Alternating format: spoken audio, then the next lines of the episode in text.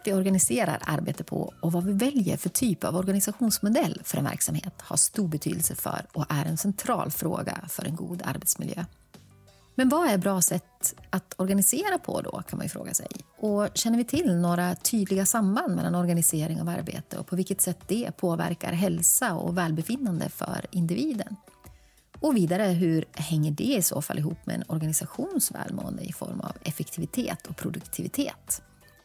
Ja, om vi överhuvudtaget vill förstå hälsa och välmående i arbetslivet så måste vi helt enkelt titta närmare på vilken roll det här med organisering och olika organisationsmodeller spelar. Och det har professor Carolina Parding och filosofie doktor Fredrik Sjögren vid Luleå tekniska universitet gjort. De har gått igenom 80 studier genomförda i Sverige och i Norden och sammanställt resultat och slutsatser från dessa i kunskapssammanställningen Organisering av arbete och dess betydelse för hälsa och välbefinnande. Och här i podden ska ni nu få träffa Carolina och Fredrik och vi ska särskilt prata om vad man ska tänka på när det gäller organisering och val av organisationsmodeller för att det ska verka främjande på hälsa och välbefinnande för medarbetarna. Och vissa av de här råden som, om organisering som de delar med sig av har också visat sig vara gynnsamma för en organisations effektivitet och produktivitet. Jag heter Liv Nilsson och jobbar som kommunikatör på Myndigheten för arbetsmiljökunskap. Varmt välkomna till podcasten Arbetsmiljösnack. Idag om hur du bäst organiserar för hälsa och välbefinnande. Organiseringen av arbete är en central fråga för en god arbetsmiljö. Kan ni beskriva vad som menas med organisering och organisationsmodeller och varför det här är så centralt för arbetsmiljön? Ja, det handlar om hur arbetet utformas kan man säga. Allt från vilket inflytande anställda har över sitt arbete, hur det ska planeras, genomföras och följas upp. Och det kan handla om rent konkreta saker som eh, var ska arbetet utföras, hur och med vem? Ska vi sitta i kontorslandskap eller sitter vi i enskilda kontor till exempel? Ja, men precis. Och det handlar helt enkelt om rent eh, mer eller mindre konkreta sätt att lägga upp då arbetet och utförandet av det och även kringliggande aktiviteter. Eh, exempel skulle kunna vara då eh, öppna kontorslandskap eller hur man använder sig av bemanningsanställda om man gör det eller om man har tid för kisspauser när man kör långa sträckor eller om man har tillgång till kompetensutveckling eller vad det nu kan vara. Digital kontroll i kassan eller så. Eh, och det är helt enkelt hur man, själva organiseringsbiten. Sen finns det också sånt som brukar kallas för organisationsmodeller eller olika typer av liksom, eh, sätt att lägga upp organiseringen på. Då kanske man pratar om lean production eller new public management eller aktivitetsbaserade kontor eller tillitsbaserad eh, organisering och så vidare. Eh, så att det här med organisation och arbetsorganisering, det rör i stort sett alla aspekter av tillvaron på en arbetsplats. Ni har ju sammanställt och beskrivit aktuell forskning om organisering av arbete och också då organisationsmodeller som kan bidra till hälsa och välbefinnande. Och ni har ju också tittat närmare på hur organisering av arbete och eh, påverkar arbetsorganisationers effektivitet och produktivitet. Och Utifrån den forskningen som ni har kartlagt så har ju ni sammanställt konkreta råd om hur organisering kan bidra till välmående medarbetare och effektiva organisationer. Och ni har landat i åtta råd som gäller allmänt för organisationer och sen har ni också råd som riktar sig specifikt till den offentliga sektorn. Och jag tänkte att vi skulle prata om, om de här råden och börja med de allmänna råden. Och, eh, och då allra först prata om det som handlar om inflytande och medbestämmande. Och ni skriver ju att arbetet bör organiseras på ett sätt som bidrar till möjligheter för medarbetarna att få inflytande och medbestämmande över sin arbetssituation. Vad är det som ni har sett i forskningen som, som har lett fram till just det här rådet? Ja, vi ser i de inkluderade publikationerna i vår litteraturöversikt att eh, Anställda upplever det problematiskt när de inte ges möjlighet att vara delaktiga i hur arbetet utformas och, och det i sin tur kan leda till stress och otillfredsställelse. Och det handlar om, precis som vi sa innan här, om allt från hur man ska sitta, kontorens placering, till vad man ser som viktigt och relevant eh, lärande och kompetensutveckling. Eh, och den offentliga sektorn har ju styrts utifrån någonting som brukar benämnas New Public Management, eller ny offentlig styrning, de senaste decennierna. Och det kan man ju säga är en slags styrningsfilosofi som då härstammar från industrin, där man ju företrädesvis tillverkar saker eh, och inte jobbar med människor och där målet också är att gå i vinst. Så det är ju lite skillnad från den offentliga sektorn. Och den här styrningsfilosofin visar sig kanske inte riktigt fungera lika bra då i offentlig sektor, där vi till stor del har professionella yrkesgrupper med hög formell kompetens och kunskap eh, och där man också arbetar med medborgare, alltså med människor och inte med saker. Och lite förenklat kan man då säga att de yrkesverksamma ofta har en syn på hur arbetet bäst planeras, genomförs och följs upp. Och ledningen, alltså det vill säga arbetsgivarens sida då, kanske har en annan. Och då uppstår det liksom en clash, alltså en krock eller vad jag ska säga eh, som kan leda till problem. Alltså vems syn på hur verksamheten ska utföras ges tolkningsföreträde. Och utifrån de inkluderade publikationerna som vi har så ser vi att det verkar vara så att eh, det är ledningens syn som till ganska stor utsträckning då är baserad på New Public Management som styr och inte de yrkesverksamma och deras syn på hur man bäst ska bedriva verksamheten. Och då kan man ju fråga sig eh, om det inte kanske är dags att eh, se över den här frågan. Det kanske är dags att de yrkesverksamma återges eh, tillit i hur arbetet ska organiseras. Alltså både planeras och rent konkret genomföras och följas upp. Kan ni ge några exempel på organisering som främjar inflytande och medbestämmande? Ja, det handlar ju då om att de yrkesverksamma, eh, som vi också kallar då de välfärdsprofessionella, eh, att se dem som en legitim kraft i att vara med eh, och utifrån sin kunskap om praktiken eh, organisera arbetet. Och det handlar då i sin tur om tillit. Alltså de anställda måste ges eh, tillit att eh, planera arbetet, utföra arbetet och följa upp det utifrån det de ser som det bästa sättet då för verksamheten. Men också givetvis att man ges förutsättningar för det. Och det kan ju handla om både organisatoriska, monetära förutsättningar, alltså att ha mandat att ta beslut. Så att det inte bara landar i att ja men jag ger dig eh, ansvar att ta hand om det här nu, varsågod. Fast jag får liksom inga förutsättningar för att göra det och då blir det ju ännu mer stressande istället. Så att både att ges den här tilliten men också att få rimliga förutsättningar. Ja, och råd nummer två handlar ju just om tillit. Eh, vill du, kan du utveckla det och berätta lite mer om det?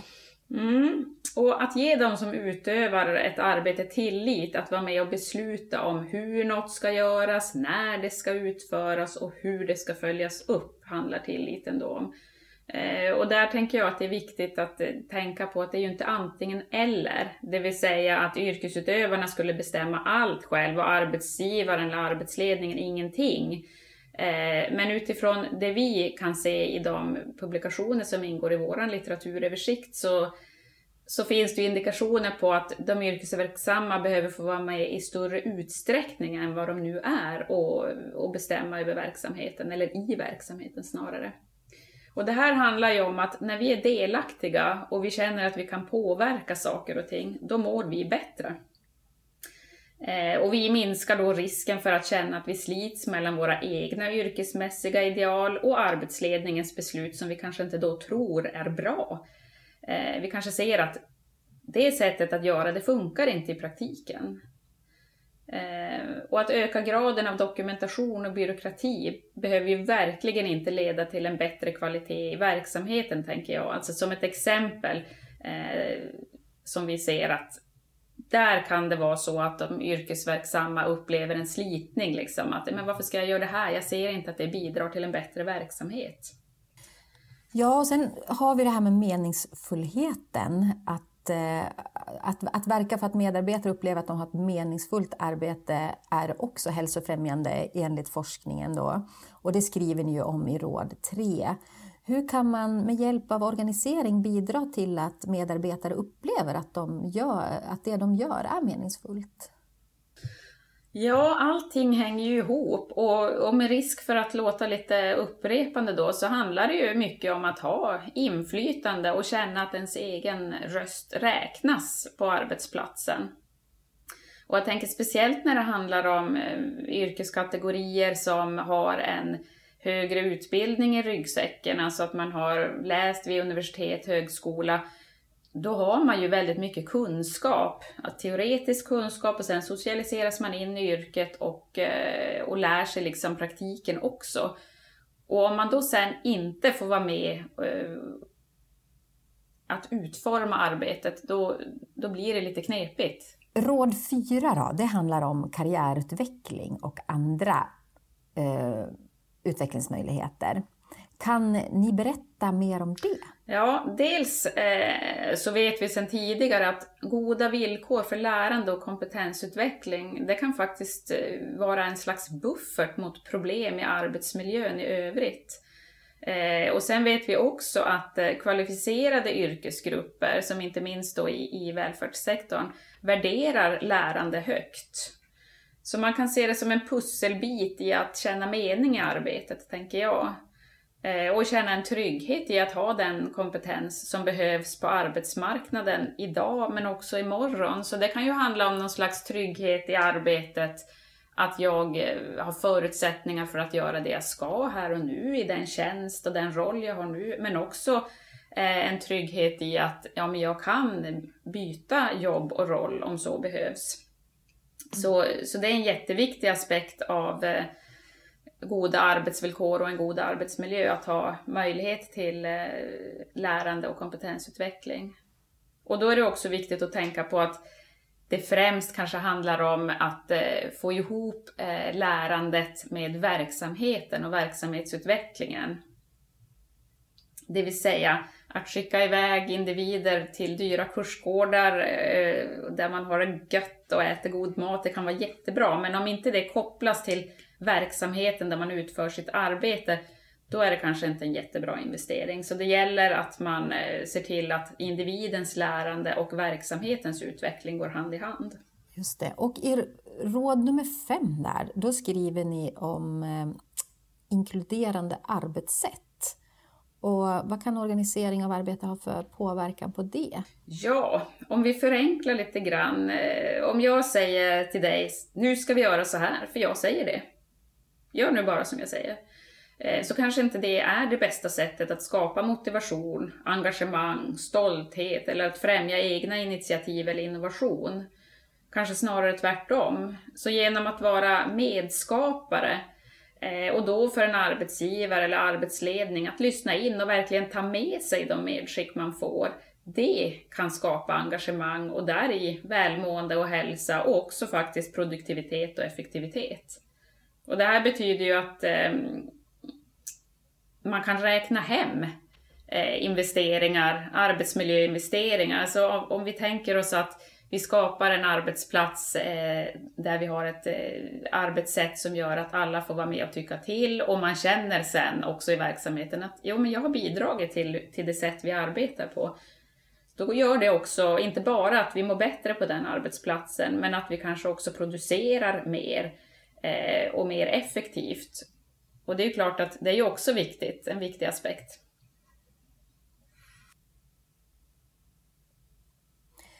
Sen kommer vi in på en, en, en tydlig trend i arbetslivet just nu. Då. Råd nummer sex, det berör den ökade flexibiliseringen.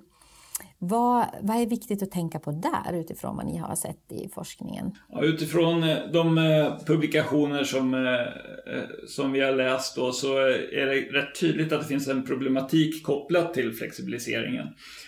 På kort sikt då, kanske främst för arbetsgivaren så kan det ju kanske upplevas som fiffigt att kunna vara liksom flexibel och växa snabbt eller krympa snabbt vid behov.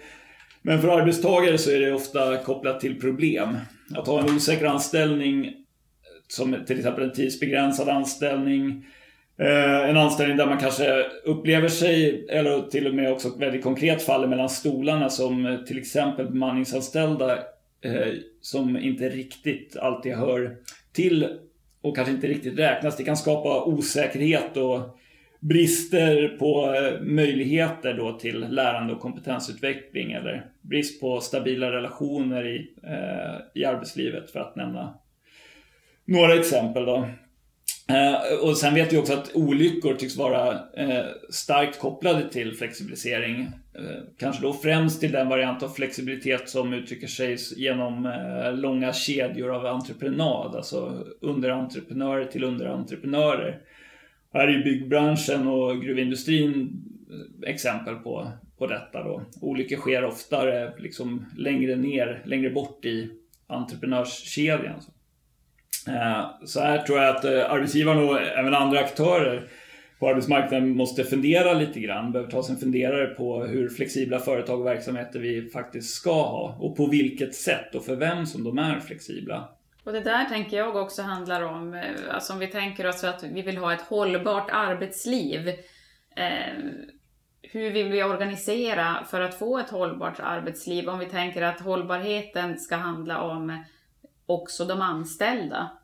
Eh, då behöver vi kanske tänka till. Ja, men ska vi ha så stor grad av eh, bemanningsanställda eftersom vi, som du också ger exempel på Fredrik, ser att det finns problem kopplat till det. Både socialt sett men också lärande, kompetensutveckling och olyckor. Jag tänkte på nu att, jag vet inte, ni kanske svarar på det eller ni berättar om det, men jag tänkte det här med begreppet flexibilisering. I grund och botten handlar ju flexibiliseringen om att eh, kunna anpassa verksamheten eh, snabbt, alltså att vara snabbfotad. Eh, och när det gäller då flexibilisering på arbetsmarknaden så ser vi som sagt att det handlar mycket om arbetsgivarens behov, kanske mer än eh, individernas, alltså de anställdas. Eh, och det kan vara ganska problematiskt ur ett arbetsmiljöperspektiv. Eh, ni lyfter i råd nummer sju vikten av att inkludera bemanningsanställda. Vad handlar det här rådet om? Alltså bemanningsanställda, det är, ju, det är ju ett exempel på hur flexibiliseringen kan te sig i praktiken. Eh, en ganska, ett ganska konkret exempel. Och, eh, användandet av den här typen av anställningsformer då ökar ju företagens flexibilitet på, eh, på ganska konkreta sätt. Då. Men det påverkar ju ofta de bemanningsanställda och även de fast anställda negativt genom att inflytandet minskar och eh, man till exempel får mindre tillgång till kompetensutveckling för då de bemanningsanställda och en ökad ansvarsbörda och sämre möjlighet till överblick för, för de som är liksom, eh, Eh, fast anställda eller tillsvidareanställda i verksamheten. Eh, och det är ju såklart så att bemanningsanställda är inte annorlunda än andra och mår ju såklart också bra av att inkluderas eh, mer i arbetslivet då, och i organiseringen av arbete. Frågan är ju liksom hur det är, kan göras och om det kanske finns en då, inneboende konflikt i själva den här anställningsformen. Alltså hur inkluderad kan en bemanningsanställd faktiskt bli? Eh, alltså, då, då det just det, liksom flexibiliteten eh, som är in, in, inbegripen i den här varianten av anställning eller den här anställningsformen. Det är oftast den som är poängen med bemanningsanställda. Och då är ju frågan eh, om inkluderingen alltid kommer att vara mindre för bemanningsanställda på grund av vad det är för typ av anställningsform. Mm. Så där måste vi också fråga oss om eh, eh det överhuvudtaget ens är möjligt, eller åtminstone sannolikt, att bemanningsanställda kommer någonsin att liksom kunna inkluderas. Och då kanske man ska titta, eller inkluderas lika mycket som eh, de fast anställda i verksamheten. Och då kanske man ska, måste titta på anställningsformen snarare än på eh, justeringar i organiseringen. Mm. Bara. Mm. Ja, vad skulle, skulle man kunna säga några exempel på hur man skulle kunna inkludera bemanningsanställda? Några konkret exempel? Sådär? Alltså till exempel så vet vi ju att eh, bemanningsanställda oftast eh, saknar tillgång till, eh, till eh, vidareutbildning och kompetensutveckling. För att kanske företag som tar in de bemanningsanställda, de satsar på sin fasta personal och vill inte liksom utbilda för, för ett annat företag då ifall den här bemanningsanställda kommer byta. Eh, då de har ju liksom gett bort det till det, kanske möjligtvis sin konkurrent, konkurrent då. Medan bemanningsföretaget inte nödvändigtvis kanske vill eh, ge en nischad kompetensutveckling för att man vill just att den bemanningsanställda ska kunna eh, byta plats och vara liksom flexibel. Och där, där blir ju liksom det här problemet som du lyfte Fredrik, det kanske inte går. Alltså utifrån att det finns, det är liksom ett triangulärt förhållande, dels mellan då den uthyrde och så sen bemanningsföretaget och eh, klientorganisationen. Eh, och där faller ofta frågan om kompetensutveckling och lärande mellan stolarna. Och det, det är det vi menar, att det kanske inte det kanske inte riktigt går att lösa så, att det blir bra eh, för de anställda, eh, de bemanningsanställda. Och det gäller ju också det sociala, eh, att om man kommer och går på en arbetsplats, kommer till olika arbetsplatser, så kommer man inte in i arbetsgruppen på samma sätt som de ordinarie. Det finns ju också forskning som visar, om vi tittar på högre kvalificerade yrkesgrupper, alltså till exempel sjuksköterskor, så eh, väljer ju de till exempel oftast bemanningsanställning som ett aktivt val. Det är inte så att de inte har något annat val, men de kanske väljer bort eh, den självklara arbetsgivaren eh, för att de tycker att arbetsmiljön är för dålig. Och där tänker jag, där har vi en stor varning. Då är det ju arbetsmiljön och arbetsvillkoren i verksamheten man behöver jobba med snarare än att ha liksom allt för många som hoppar ur verksamheten eh, och så kommer in som inhyrda. Eh, för det handlar ju också om eh, kontinuitet och verksamhetsutveckling och det är ju jättesvårt att bedriva om man har allt för stor andel av personalen som liksom inte egentligen tillhör eh, verksamheten. Så. Ja, och det, det sista allmänna rådet här som ni, ni skriver om är ju, det anknyter ju till det ni pratar om, till nummer sju, och det handlar om tidsbegränsade anställningar. Vad kan ni berätta om det? Alltså rent krasst så handlar ju det här också om flexibilitet oftast på arbetsgivarens villkor. Man kan ju tänka sig att det liksom eh, eh, att trösklar sänks för vissa grupper genom att arbetsgivare får eh, alltså att ta sig in eh, i arbete då, eh, eh, genom att då arbetsgivare skulle kunna kanske uppleva att de tar mindre risker genom att anställa eh, på tids, eh, i tidsbegränsad form då. Eh, och att det senare skulle kunna leda till eh, tills vidare anställning. Det är ju en empirisk fråga så det är, det är ju inte bara en tanke.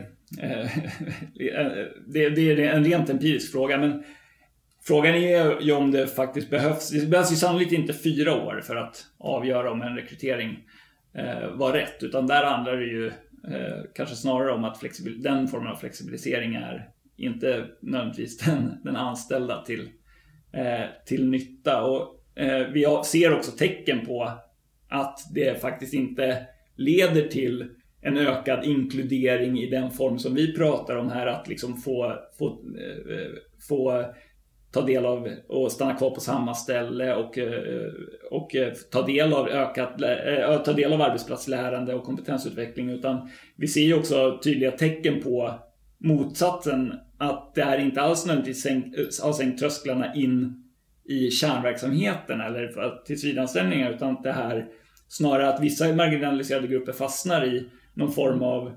visstidskaruseller. Att eh, eh, det är inte så att efter fyra år av vikariat och eh, allmän visstidsanställning så, så blir man tillsvidareanställd utan då går man vidare till nästa. Ja, det tenderar ställe. att fortsätta, att man hamnar i eh, prekära eh, arbetssituationer under en lång period och kanske under hela arbetslivet. Och det är klart att det, det kostar ju på ganska mycket för individen och det kostar ju också på för samhället i förlängningen. Ja, jag tänker att vi måste, här kan vi också lyfta blicken ganska högt till en, en liksom samhällsnivå. För man kan liksom inte utesluta att eh, om vi ökar andelen visstidsanställda i arbetslivet så på totalnivå så sjunker då eh, eller vi ser min, kan då se en minskning av arbetsplatsutbildning och kompetensutveckling på liksom totalnivån. Och vad, hur påverkar det? Alltså om en ökad procentandel av de anställda inte får tillgång på grund av att de är bemanningsanställda, eh, visstidsanställda och så vidare.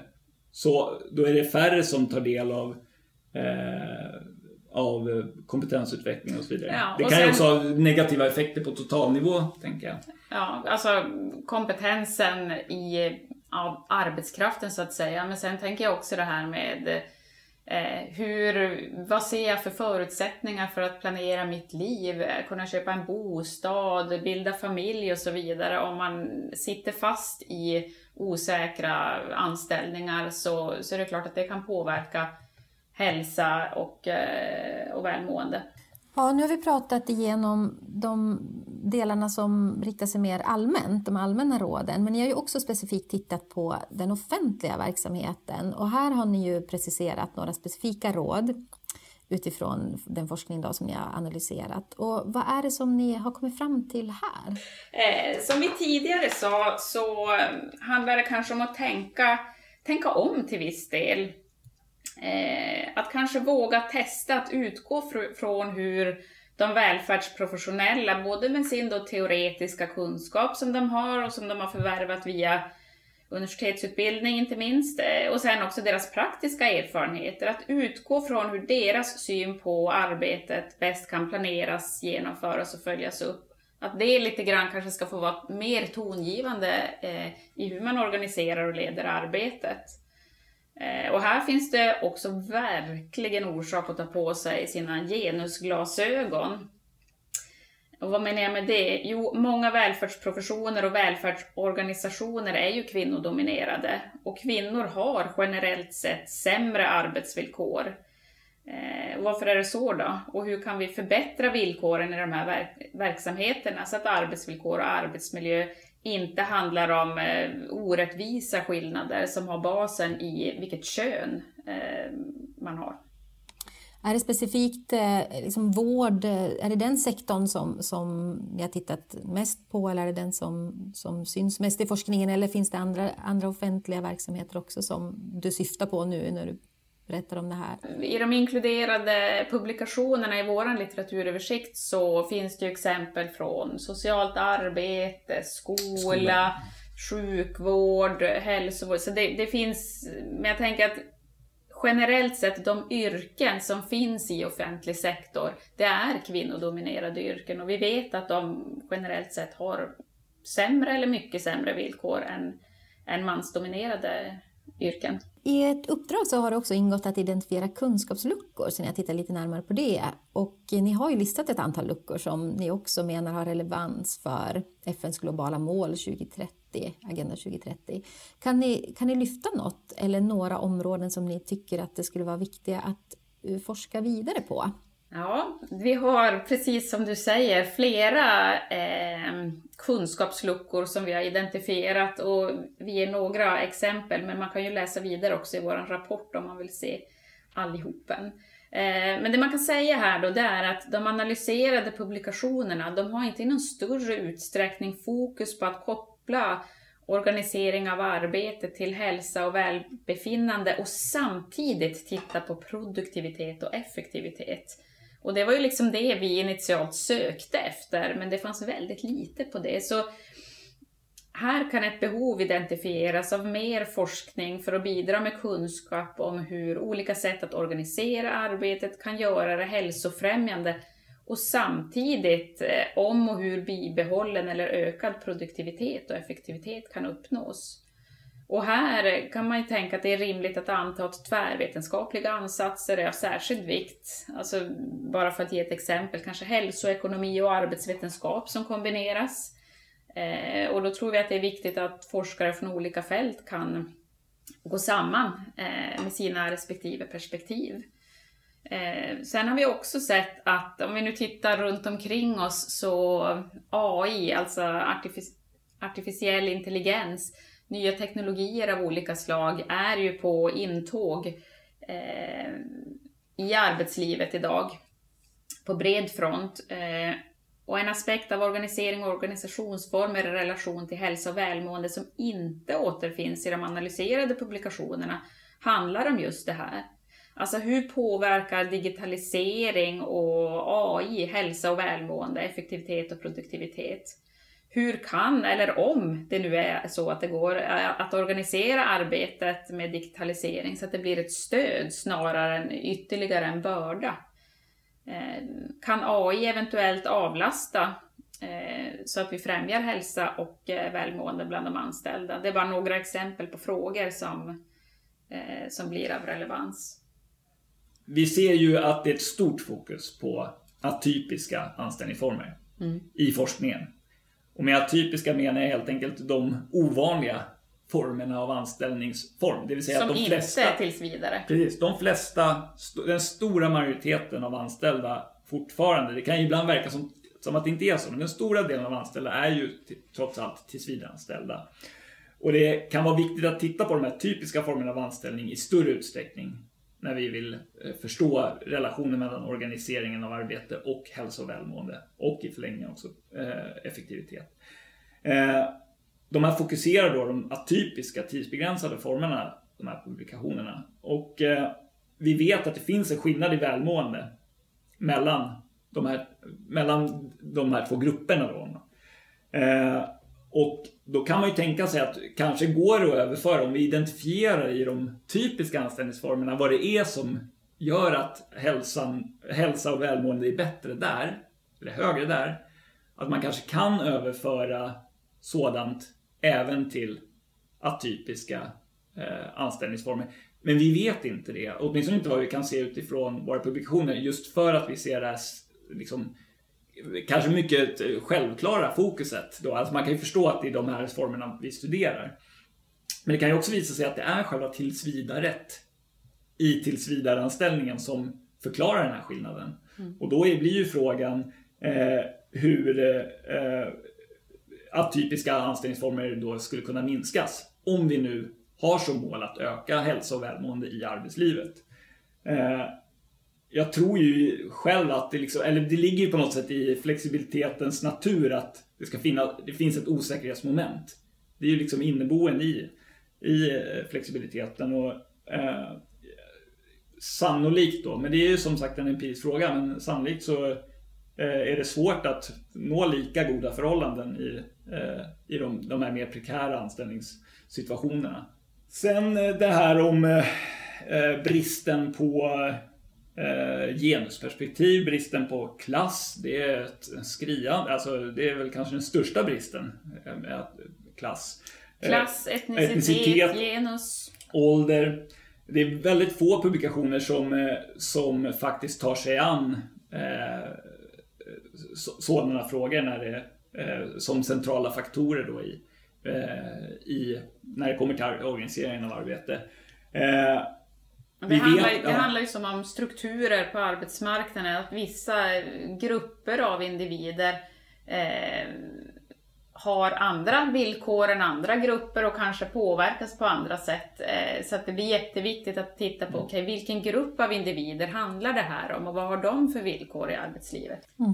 Det vi också ser eh, är att eh, det stora flertalet av publikationerna som vi har tittat på, de har en kvantitativ ansats eh, och det betyder att de har större enkätdata som grund eh, för sina analyser.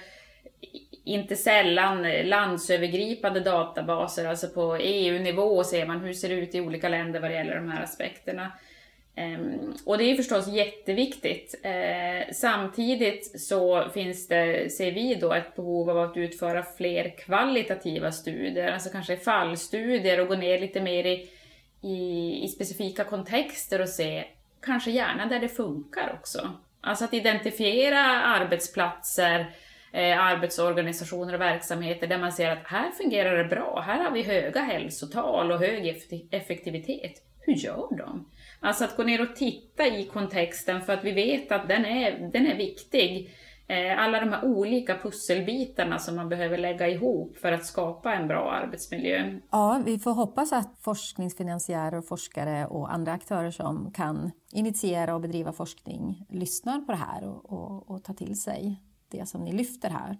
Ja, börjar lida mot sitt slut. Jag tänkte vi skulle knyta ihop det lite grann och avsluta här med att fråga vad ni ska göra härnäst.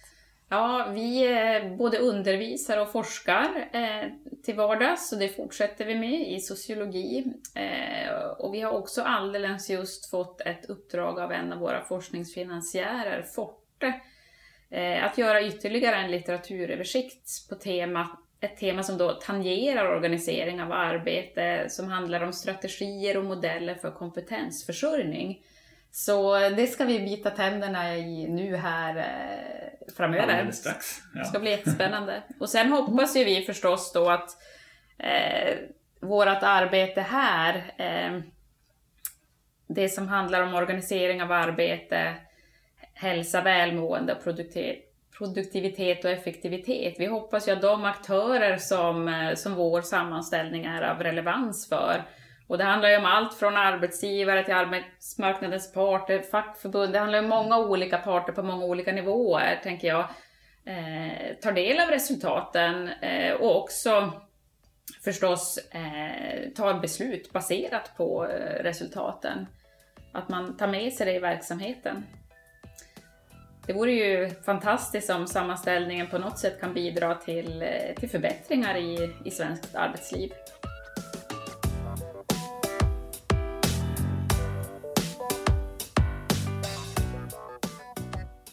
Vi tackar Carolina Parding och Fredrik Sjögren och hänvisar till att kunskapssammanställningen om organisering och organisationsmodeller i sin helhet kan laddas ner från vår webbplats www.mynak.se. Den här kunskapssammanställningen är en del av genomförandet av vårt regeringsuppdrag att sammanställa kunskap om friskfaktorer i arbetslivet. På vår webbplats hittar ni också flera kunskapssammanställningar som undersökt faktorer som skapar friska och välmående arbetsplatser. Lyssna också gärna på våra övriga poddavsnitt där vi samtalar med forskare kring friskfaktorer men också om framtidens utmaningar och möjligheter när det gäller arbetsmiljöfrågor. Du hittar förstås alla våra poddavsnitt på vår webbplats men också på Soundcloud, Podcaster och på Spotify. Tack för att du har lyssnat.